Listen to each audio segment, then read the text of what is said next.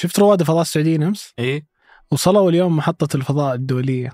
فقابلوا هناك رائد الفضاء الإماراتي. فبيصيرون أول عرب يتقابلون في الفضاء. تقريبا.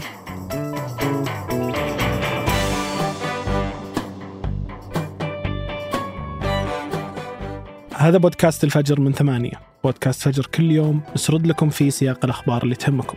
معكم أنا إبراهيم القرعاوي. وأنا أحمد الحافظ.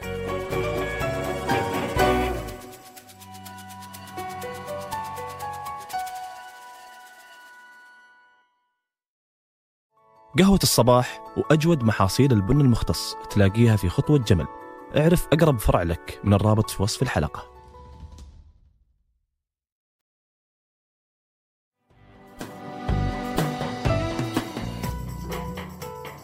هالأسبوع نشرت وسائل الإعلام الدولية أخبار عن سقوط مدينة بخموت في أوكرانيا بيد الروس وذكرت أن الرئيس الأوكراني زيلينسكي لمح لخساره قواته في المدينة أمام القوات الروسية.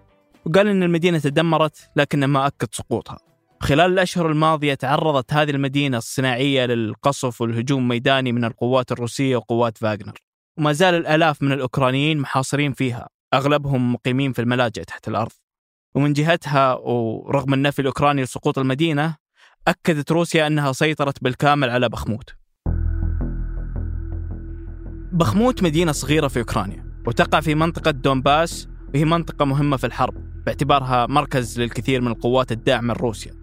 لكن المسؤولين ذكروا أن غزو بخموت هذه المدينة الصغيرة بعدد سكان لا يتعدى 70 ألف هو مجرد حدث تكتيكي صغير مقارنة بالجبهات القتالية الثانية في أوكرانيا. إلا أن الروس لهم وجهة نظر مختلفة. فالرئيس الروسي بوتين يحتاج إلى نصر في أوكرانيا حتى لو كان رمزي لأن المكاسب العسكرية الروسية في الميدان في الأشهر الأخيرة كانت بطيئة. ولذلك تحتاج روسيا إلى تقدم معنوي عشان الروس في الداخل على الأقل. ويصف بعض العسكريين الأوكرانيين رغبة روسيا القوية في الاستيلاء على هذه المدينة الصغيرة بأنها مهمة سياسية أكثر من كونها مهمة عسكرية ويعتقد الروس أن الاستيلاء على المدينة بيكون وسيلة لرفع معنويات الجيش اللي شهد ضعف في الإمدادات وخسارة الكثير من قواته خلال الأشهر الماضية. راح يكون بداية لتنفيذ هجمات أكبر على مدن ثانية في أوكرانيا. ومن جهة ثانية سقوط المدينة في يد الروس راح يعطي دفعة معنوية قوية لمجموعة فاغنر وهو جيش غير نظامي أسسه طباخ بوتين الخاص ويدعمه بوتين بشكل قوي. وتشارك قوات هذا الجيش في الهجوم على بخموت بعد ما فشل الجيش الروسي في حسم السيطرة على المدينة. كل هذه الأسباب تخلي المدينة استراتيجية ومهمه بالنسبة للروس.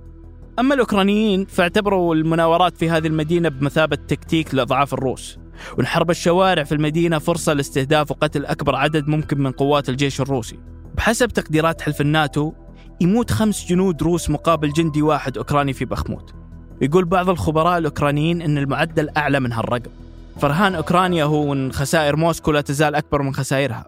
فرغم تحقيق روسيا مكاسب صغيرة تعتقد أوكرانيا أنها دمرت جزء كبير من الجيش الروسي في الحرب واستفادت من حالة الإنهاك اللي عانى منها الجيش الروسي في الشتاء في استعادة الأراضي في مدن مثل خاركيف وخيرسون.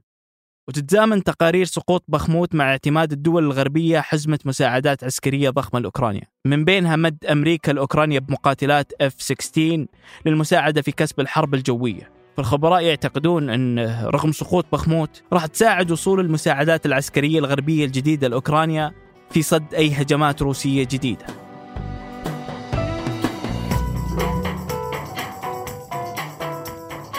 وقبل ننهي الحلقة هذه أخبار على السريع.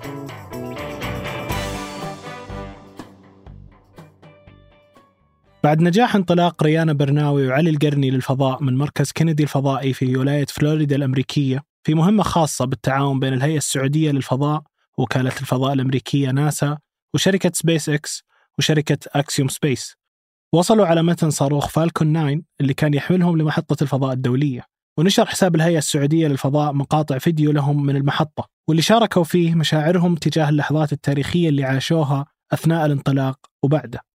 وأعلنت الرئاسة العامة لشؤون المسجد الحرام والمسجد النبوي عن تسمية مشروع توسعة المطاف في المسجد الحرام باسم الرواق السعودي. والرواق السعودي يضم مشروع توسعة المطاف اللي يرجع تاريخه إلى عهد الملك عبد العزيز وبدأ العمل على توسعته من عهد الملك سعود عام 1955 وتم استكمالها وتطويرها في عهد الملوك فيصل وخالد وفهد وعبد الله وصولا إلى عهد الملك سلمان. ويتميز الرواق السعودي بمساحة كبيرة لم يشهدها المسجد الحرام من قبل. فهو يتكون من أربع أدوار ويتسع ل 287 ألف مصلي وأكثر من 100 ألف طائف في الساعة في الرواق وصحن المطاف.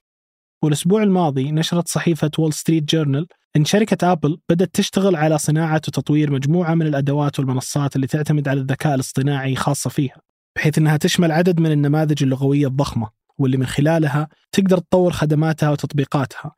والتوفر فيها مزايا متطورة مشابهة لمزايا تشات جي بي تي واللي كانت منعت موظفينها من استخدامه في عملية كتابة الأكواد البرمجية والنصوص اللي تتضمن أسرار مهنية. عشان ما تتسرب وتنتشر خارج الشركة مثل ما صار مع شركة سامسونج لما استخدم أحد موظفينها شات جي بي تي وتسربت بعض البيانات والأكواد من خلاله وخلال الفترة الماضية كانت أبل فاتحة عدد التوظيف لعدد كبير من الباحثين وعلماء الذكاء الاصطناعي في القطاعات المختلفة واللي من أهمها إنشاء نماذج ذكية تقدر تصنع محتويات بصرية من خلال الذكاء الاصطناعي. ومع اقتراب موعد مؤتمر آبل للمطورين بداية شهر يونيو الجاي فمن المتوقع أنها بتعلن خلاله عن أدوات أو منصات ذكية خاصة فيها. وفي أحدث إحصائية من هيئة الغذاء والدواء السعودية وبالتعاون مع جامعة طيبة أعلنت الهيئة أن 21% من السعوديين مصابين بحساسية الطعام. هي البيض والقشريات والحليب والجلوتين. وقالت أن ربعهم تقريبا يعانون من عدم توفر خيارات مناسبة لهم من الأكل الجاهز خارج بيوتهم. وأن ما يقارب نصفهم يواجهون صعوبة في اختيار أطعمة مناسبة لهم من خلال تطبيقات طلبات الأكل. وبناء على نتائج هالدراسة أصدرت الهيئة دليل تنظيمي لإنشاء قوائم طعام خاصة للأشخاص المصابين بحساسية الطعام مع وجود ضوابط واشتراطات خاصة بالمطاعم والشركات الغذائية بأنها تسوي هالقوائم بأسلوب سهل وواضح للناس. تكون منفصلة عن قائمة الطعام الرئيسية وخالية تماما من أي مسببات حساسية.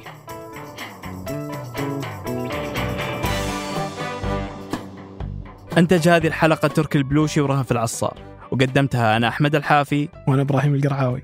وراجعتها لما رباح. وحررها عدي العيسى وفي الهندسة الصوتية محمد الحسن. نشوفكم بكرة الفجر.